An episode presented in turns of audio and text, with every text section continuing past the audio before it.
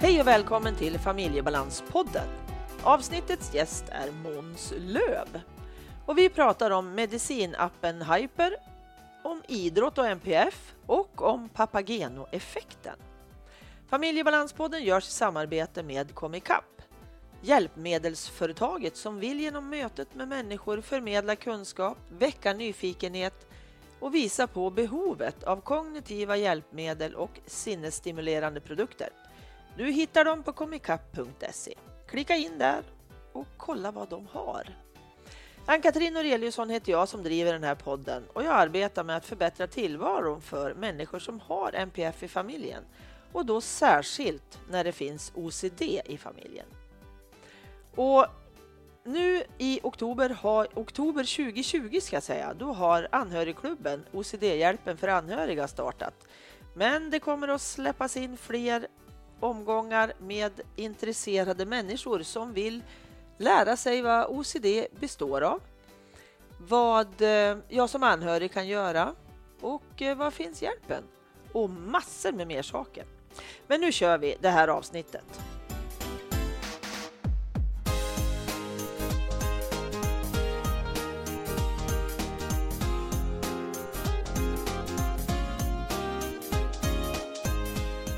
Hej Måns! Hej! Och hjärtligt välkommen till Familjebalanspodden. Tack så mycket.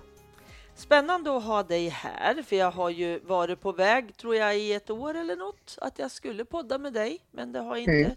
fallit sig så att jag har frågat. Men nu så mm. Mm. är vi här. Jätte, jättekul. Och först så vill jag be dig berätta lite kort om dig själv. Ja, eh, som sagt jag heter Måns Löv. Jag är i grunden utbildad sjuksköterska eh, och har egentligen jobbat inom psykiatrin, eller jobbat med psykiatrin sedan 89. Blev färdig sjuksköterska 96 och har jobbat inom barn och ungdomspsykiatrin sedan dess. Mm. I olika i olika delar. Ehm, jag har framförallt specialiserat mig och det som jag har brunnit väldigt mycket för det är barn med NPF-diagnoser. Mm. Ehm, och eh, har väl jobbat och ehm, på senare år så har jag tagit fram eh, allt ifrån behandlingar till innovationer med mera. Så det är den ena delen utav mig. Den andra delen utav mig är att jag är gift och har två barn. Ehm, jag eh, är väldigt aktiv på min fritid. Jag försöker ta vara på så mycket saker som möjligt. Mm. Ehm, jag eh, föreläser eh, på min fritid, utbildar mellan 50 och 100 idrottsföreningar varje år. Mm. Runt omkring i hela Sverige och hela Norden faktiskt. Okej, okay. fantastiskt. Mm. Så viktigt, mm. så himla viktigt tänker jag. Just runt MPF och, och, att det här, och de här osynliga funktionsnedsättningarna, tänker jag. Mm, mm, definitivt. Man, ja, tänker att ja, men skärp dig för helskotta. ja. ja. Det är lätt att det blir så när man inte förstår och då är det ju superviktigt det du gör. Mm. Verkligen. Verkligen. Och du är ju kanske inte aktuell för sekunden med priset här som du fick för din medicinapp. Men ganska nyss va? Ja, eh, ganska det, det har varit ett, eh, faktiskt ett väldigt konstigt prisregn över den här appen. Jag har faktiskt vunnit tre stora priser. Jag vunnit, wow. eh, i, för ett år sedan ungefär så vann jag någonting som heter Sveapriset mm. eh, som jag fick eh, pris på Göteborgsoperan av socialministern. Sen så har jag i vår, nu under våren, eller vet du under hösten här, du säger du blandar ihop det. Under hösten här så har jag också vunnit eh, någonting som heter Vitalispriset. Mm. Eh, och nu senast så vann jag Guldpillret från Dagens Medicin. Okej, okay. ja. inte illa. Nej, faktiskt inte. Och, och samtidigt så, så är det här en... Eh, egentligen så, så tänker jag mig att, att det det är en jättespännande innovation som kommer faktiskt från en, en, en tjej på 16 år som hade ADHD som tyckte att det här med att åka in till barn och ungdomspsykiatrin och ta puls och blodtryck och eh, behöva liksom ta ledigt från skolan och missa saker och ting som var viktigt för henne tyckte hon att vi kunde göra på ett annorlunda sätt och hon kom med en idé att man skulle göra det i en app där, mm. man, där man registrerar de här sakerna som vi frågar. Mm. Eh, Klok unge! Mycket klok och, och just det att liksom tänka utanför boxen som är så ja. fantastiskt när man träffar ungdomar med ADHD. Så det, det, är liksom helt fenomenalt. Mm. Priset tror jag egentligen, eh, den finns ju att använda inom barn och ungdomspsykiatrin och priset i sig tänker jag mig är väl väldigt mycket just att det är ett sådant nytänkande ja. att använda sig utav eh, appar för att egentligen följa upp saker och ting eh, för familjer och sånt där. Det här är ett ja. komplement mm. i, mm. Eh, i insättning av medicin men, men som kan då appliceras på flera andra. Det, jag vill säga det, det är inte jag som har gjort självaste appen utan jag har kommit Mm. fört vidare idén och sen så är det ett företag som heter Medilevel som har gjort självaste appen. Okej, okay. precis. Mm. Men berätta, vad heter den och hur funkar den? Ja, den heter Hyper, H-I-P-R. Ja. Och, och eh, vad den, vad den, hur den fungerar är egentligen det att eh, sjuksköterskan på mottagningen i samband med att man ska börja med medicin eh, eh, ger dig möjlighet att du kan följa upp insättning av medicinen via den här appen. Appen går egentligen till på det sättet att du kryssar i lite olika saker och först och främst så kryssar du för har du tagit medicinen ja eller nej? Mm. Eh, man får fylla i puls och blodtryck. Hur tar jag det då? Ja, antingen så går man till en skolsköterska eller sköterska eller så okay. får man låna en eh, blodtrycksmanschett utav mottagningen. Mm. Sen så fyller du i hur du upplever effekten av medicinen. Alltså okay. om du, du märker av att den hjälper dig. Och mm. sen så kryssar du för också biverkningar.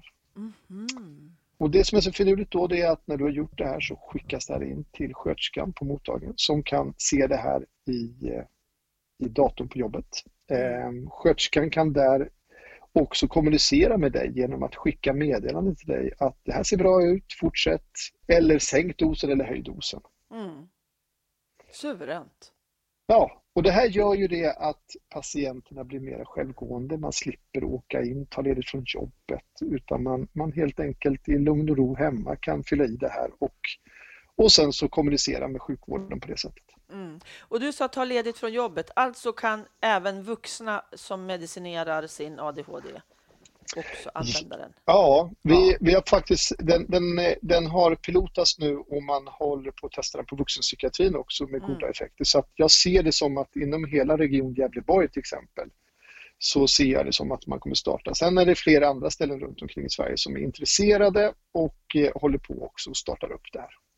Vad roligt att det är också Region Gävleborg som är lite i framkant i det här. Tycker jag. Ja, ja.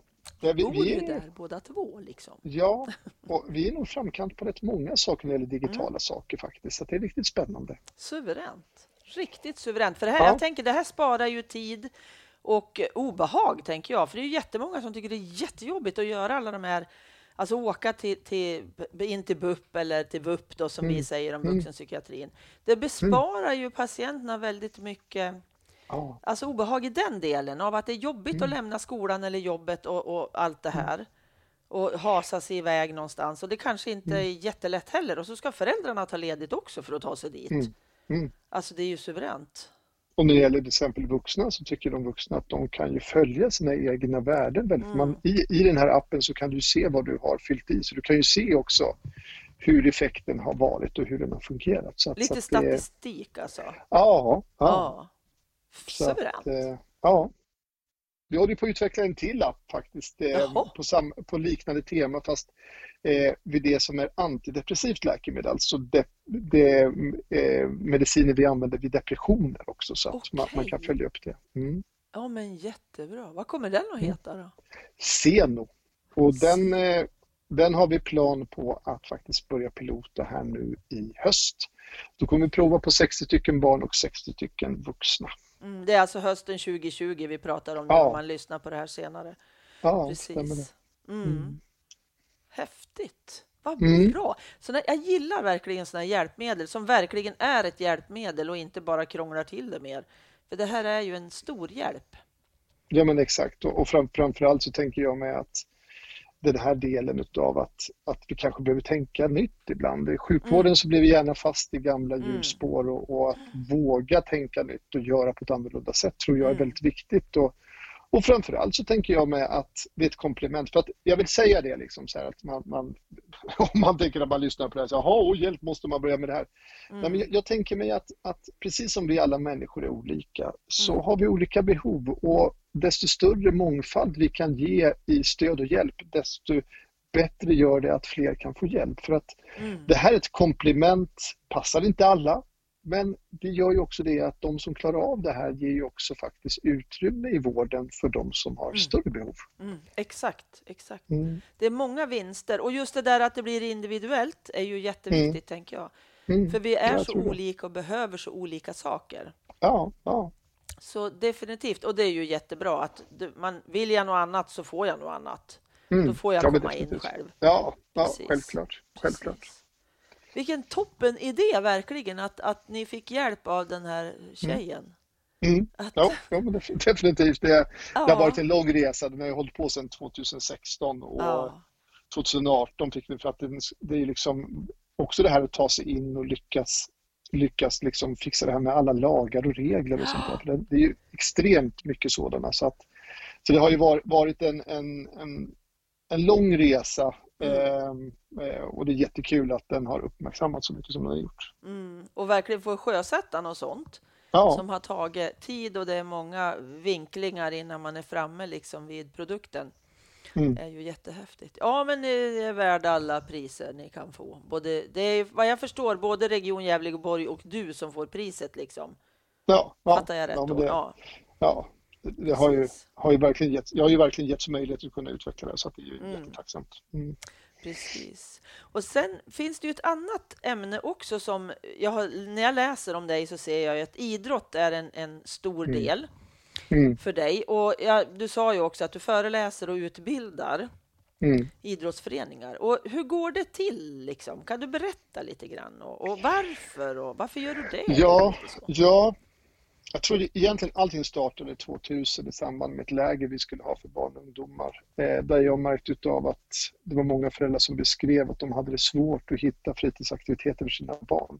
Mm. Eh, jag är själv uppvuxen i folkrörelsen och anser att, att eh, idrotts... Alltså, jag brukar säga att idrottsrörelsen eller föreningslivet brukar jag säga, det, det, är ett väldigt bra vaccin mot utanförskap för att det ger dig en arena och en plats att lyckas och kanske hitta en, en, en miljö där du träffar vänner och framförallt att, mm. att du får möjlighet att kunna förstärka saker och ting som du är bra på. Mm. Eh, jag gjorde en studie 2001 där jag under ett års tid hade klättringsgrupper för barn och ungdomar med ADHD och, eh, och såg där väldigt mycket positiva aspekter men framförallt också såg vikten utav ett, ett modernt ledarskap som, som eh, krävde lite mer än kanske det som vi är vana vid. Okay. Sen så gick det där lite grann, ja, efter den där studien så hände det inte så mycket men, men däremot så träffade jag ju på väldigt mycket barn och ungdomar i mitt jobb som sjuksköterska eh, med NPF-diagnoser som sa att jag får inte vara med. Jag får inte delta. Och, och det där gjorde mig förgrymmad och riktigt, riktigt rosenrasande. Så jag tänkte det att jag skulle åka runt och, och vända upp och ner på ledare. Men, men så började jag fundera lite grann utifrån att jag själv idrotts, var idrottsledare och började fundera på lite grann att, att det finns ju faktiskt ingen utbildning, det finns ingenting som som finns satsat runt omkring att kunna hjälpa idrottsledare att kunna eh, utbilda sig Nej. runt omkring de här frågorna. Så, att, så att jag tänkte det att då får jag väl göra det själv. Då. Så att jag försökte uppvakta olika idrottsrörelser och det var väl inte det lättaste. Eh, men sen hade vi faktiskt en incident i regionen Gävleborg där vi hade en pojke på 10 år med ADHD som blev avstängd i ett helt år från fotboll. Okay. Och i samband med det så togs det faktiskt ett beslut tillsammans med eh, SISU, idrottsutbildarna, mm. kontaktade mig och vi gjorde ett eh, projekt där vi, eller ett projekt vi bestämde oss för att nu ska vi utbilda. Så att vi tänkte att vi drog igång en utbildning som heter Idrott för alla, eh, dolda utmaningar, förutsägbart ledarskap. Jag tänkte mig att den där bara skulle hålla på en två, tre år. Eh, men vi fick sån otrolig respons på det här, så det här spred sig. Eh, och sedan dess så, ja, jag har blivit mer eller mindre nerringd och åker runt med den här föreläsningen. Eh, jag har tagit fram en massa olika utbildningsmaterial, utbildningsfilmer tillsammans med Attention eh, mm. med, med, grunden i min, i min i min, min tanke runt, just runt det här förutsägbara ledarskapet. Så att ja, det där har spridit sig och det fortsätter hela tiden så att det är jättekul. Mm. Och viktigt som tusan. Mm tänker jag. För det är ju väldigt många av våra barn inom MPF-området som har jättesvårt ja. att komma in i idrotten och det är ju skitviktigt, tänker jag, att få röra mm. på sig. För man har mm. ofta så mycket energi så man behöver ju faktiskt få röra på sig också. Definitivt, men framförallt också att känna den där, som jag sa innan, det här vaccinet mot utanförskap. Ja, det blir ett form av... och, och jag tänker mig att det finns två delar när det gäller idrotts och idrotts, eller ja, rörelseutförande ska vi säga, runt mm. omkring NPF. Det ena delen är ju det att man har ett inkluderande i ett vanligt sammanhang, vilket jag, jag tror på. Jag tror på att allas rätt att vara med. Jag tror på allas rätt på att alla kan fungera och eh, fungera precis som alla andra barn. Men sen har vi ju den delen också att ibland så kanske det är så att man har stora behov och kanske vill ha en möjlighet att kunna kanske gå med barn som också har NPF. Mm. Och då eh, finns det den här fantastiska eh, Viggo Foundation eh, mm. som Måns Möller driver och han gör ju ett helt magiskt arbete och jag försöker också stötta upp där på olika sätt. Vi, för två veckor sedan så hade vi Viggoloppet i Stockholm. Det var fantastiskt med barn och ungdomar som sprang mm. och just det här liksom att som, som Måns och jag brukar ibland diskutera och som Måns säger, liksom, den här känslan bara att få medalj, det är ju ja. otroligt stort och viktigt. Ja, två Månsar liksom som driver ja. de här frågorna. Precis, ja, ja jätteviktiga ja. ämnen, absolut. Mm. Och sen så om vi går vidare till ett annat mm. spår som jag tycker också är super, super viktigt. Det är ju alltså suicid och självmord. Mm tänker jag. För jag får mm. ju, jag möter ju ibland då på föreläsningar när jag berättar om hur jag har gjort, att jag mm. alltid har, har, vågat prata öppet om det med min son som har haft svår psykisk ohälsa i oerhört många år. Mm. Och en mm. del tycker att det är förskräckligt att jag pratar om det med honom, mm. för då kan jag ju väcka den björn som sover. Mm. Och jag tycker ju inte det, utan jag tycker ju att det är tvärtom. Att då vet han att han kan komma till mig, tänker jag. Mm. Och vi pratar om det emellanåt och sådär. Och det har varit ganska nära ibland att det har blivit så. Och det, han skulle aldrig planera det, om jag säger så. Det mm. har vi pratat om också jättemånga gånger. Men ibland kan det ju bli det där akuta, att man mår så fruktansvärt dåligt så man vet inte var man ska ta vägen. Mm. Och då kan det ju vara bra att veta vart man ska ta vägen, tänker jag. Mm. Mm. För jag tror inte alla självmord är planerade. Jag tror Nej. att en hel del är i affekten, liksom, just då. Att det, jag når en, en gräns på något vis, tänker jag. Definitivt, definitivt. Mm. Men jag läste på din, på din Facebook-sida så hade du mm. ett inlägg om, om just det här Papageno-effekten. Mm. Den tyckte jag var fin. Kan inte du berätta lite grann? Egentligen ska vi berätta lite grann bakgrunden till det för att för vi, vi har ju den här gamla klassiska, egentligen du är inne på lite grann, Werthers lidande, det här med att man, man man tror ju lite grann runt omkring framförallt att pratar vi om suicid så, så väcker vi en björn som sover och vi skapar. Ehm, det finns också en väldigt intressant studie, jag har för mig att den är franska, jag måste få, få det står lite stilla i huvudet på mig, jag tror att den är fransk, men, men den kallas för papagen, man gjorde en studie som heter papagenoeffekten och den, mm.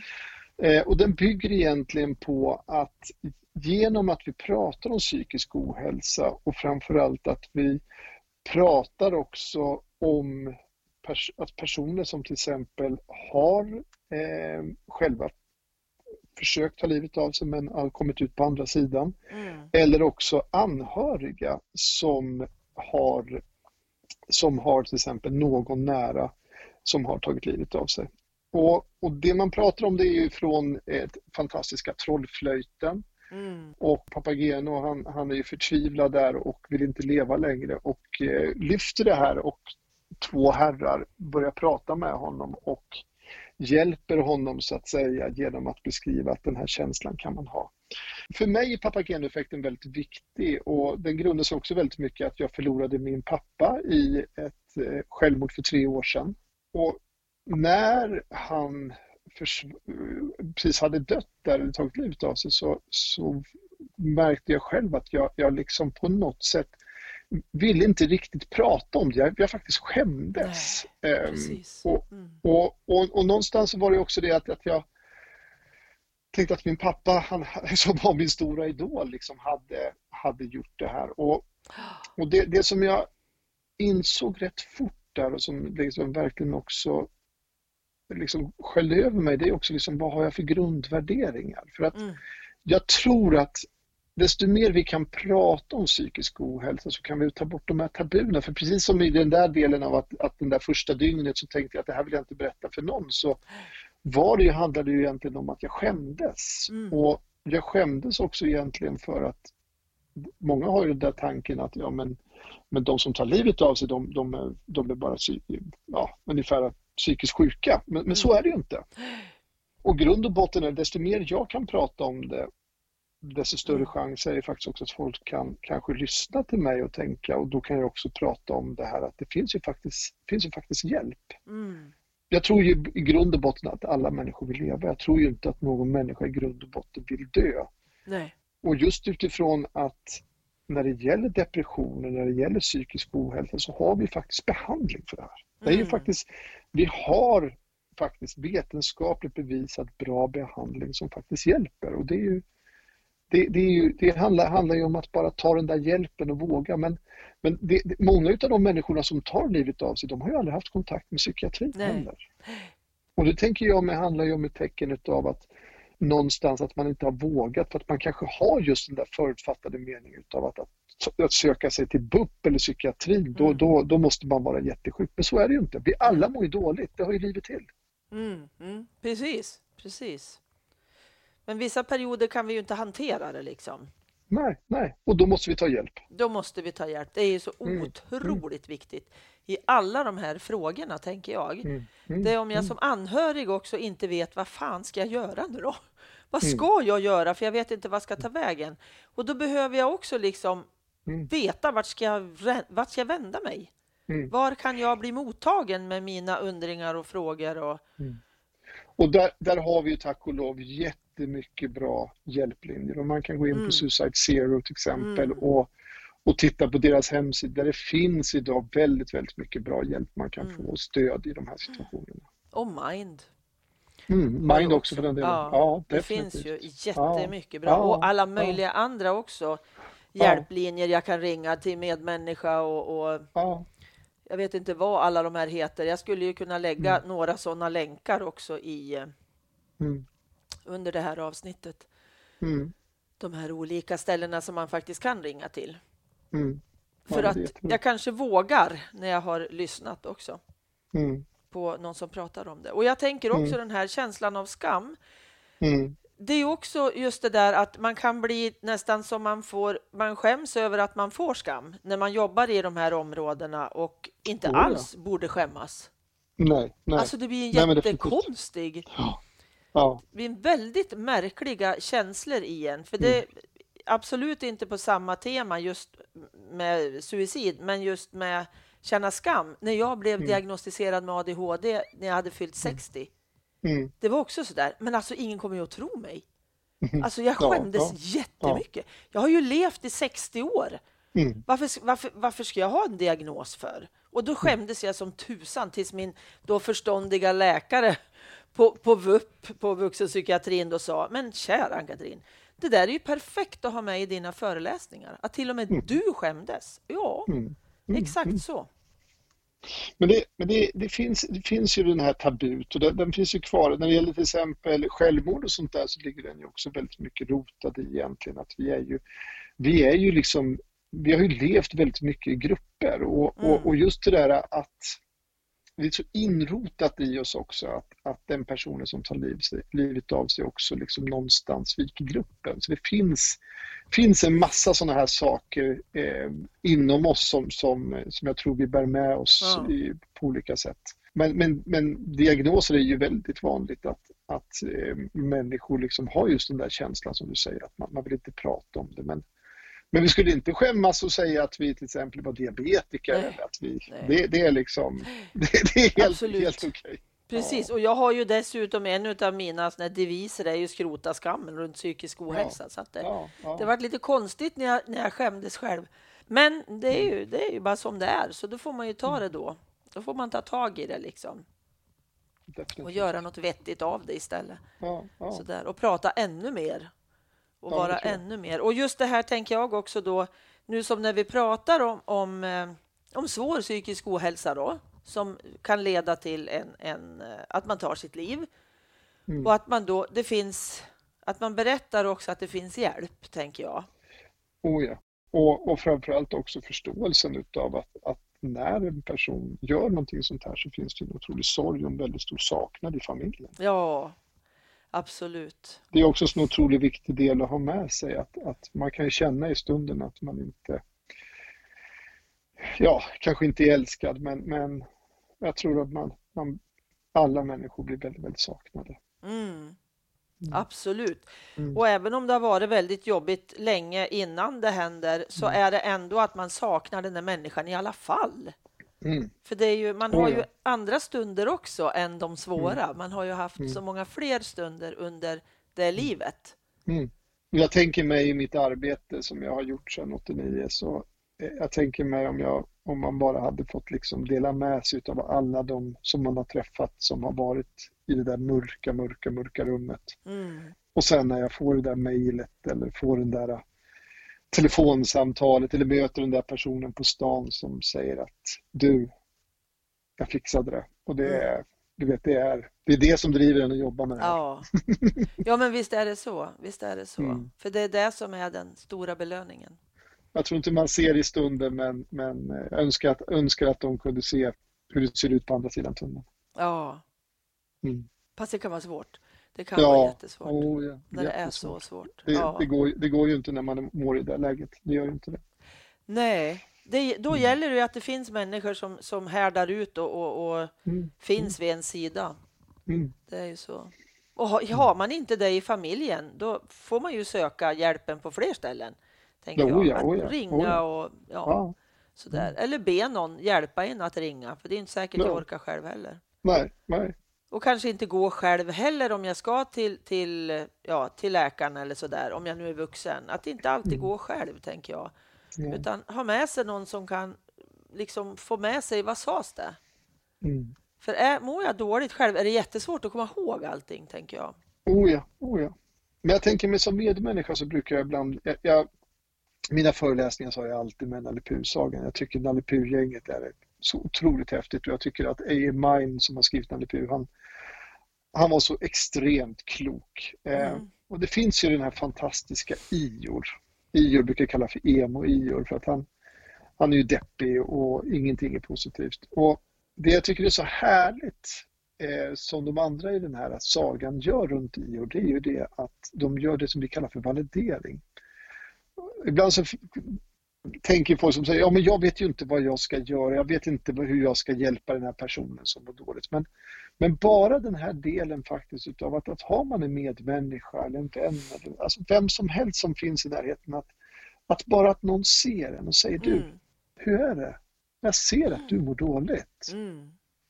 Och jag brukar tänka så här att just, just när det gäller människor som har självmordstankar och sånt där så brukar jag säga det att det är bristen egentligen på problemlösning. Och, Ja. och, då, och då brukar jag lyfta upp så här, alltså att du, det verkar som att du har problem som du har svårt att lösa. Ska vi försöka se om jag kan hjälpa dig? Mm.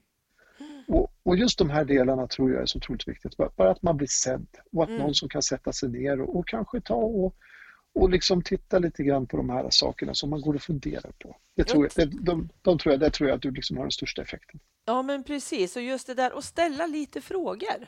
Och inte Ja. vara rädd för att fråga, Nej. tänker jag. För Nej, och du behöver inte ha svar.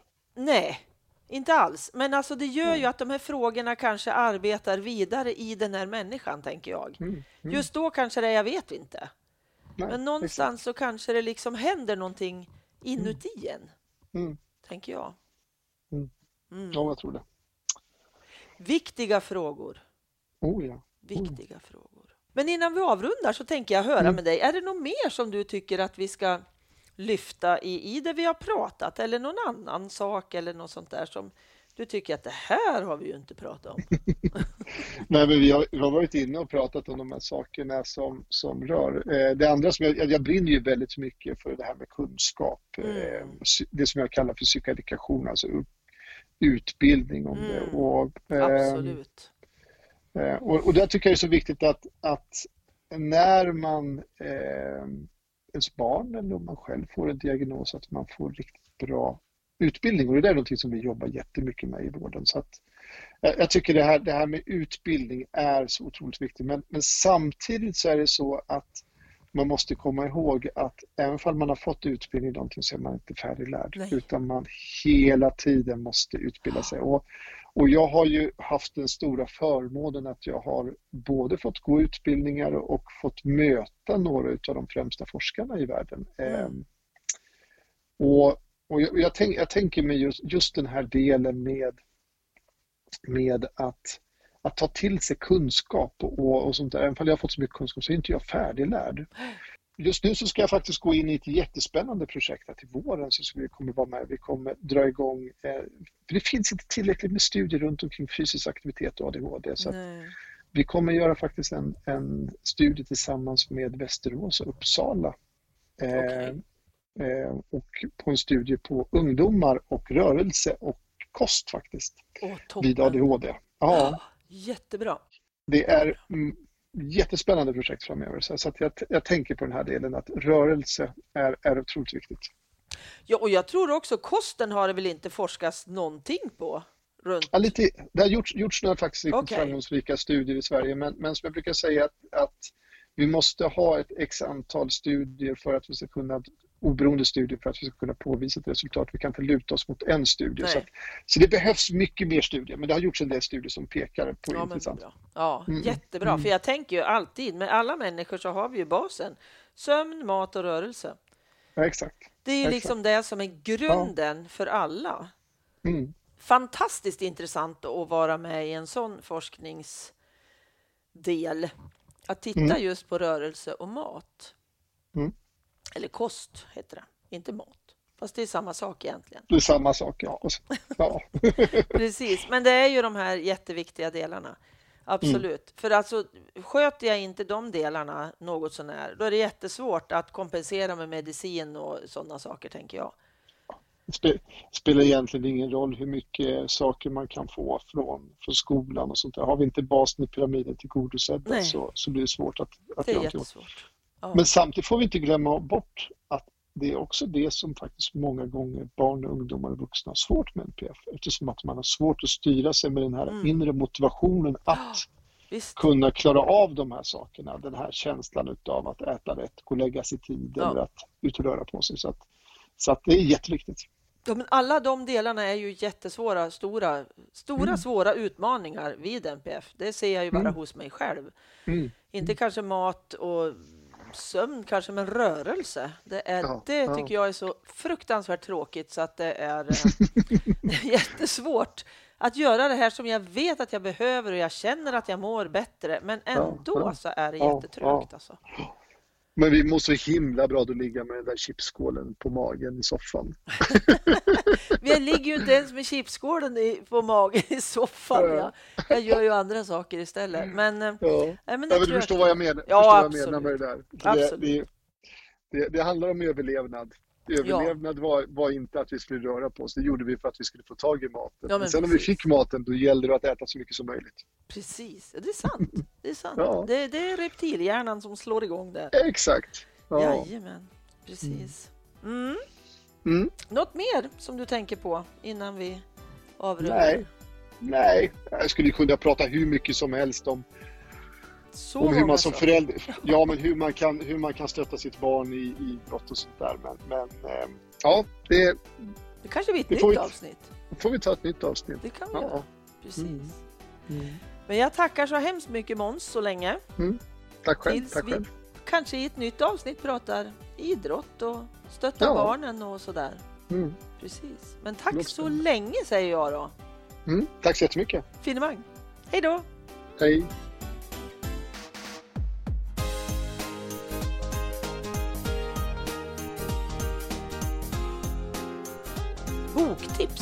Det är boken som heter ADHD, leva utan bromsar.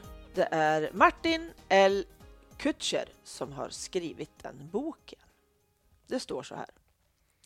Vissa barn drivs av en inre motor som de inte kan kontrollera på egen hand. De har svårt att koncentrera sig, de är impulsiva och hyperaktiva och känner inte att de har någon möjlighet att påverka sin situation. De lever helt enkelt utan bromsar. I den här handfasta vägledningen riktar sig Martin L. Kutcher, författare och neurolog, dels till föräldrar och anhöriga och dels till de som jobbar professionellt med barn som har ADHD. Han beskriver diagnoserna kortfattat men fokuserar på att hitta de bästa lösningarna på svårbemästrade situationer och på att skapa det som är allra mest centralt.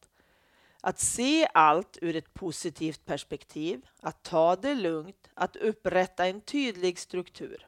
Boken är skriven på ett mycket lättillgängligt och positivt sätt. Den innehåller flertalet exempel ur verkligheten och avslutas med ett kapitel som barnen själva kan läsa. Tack för att du lyssnat! Tack till Pelle för musiken, till Pernilla som fotade, Marcus som fixade poddloggan och till Anders som redigerar mitt prat.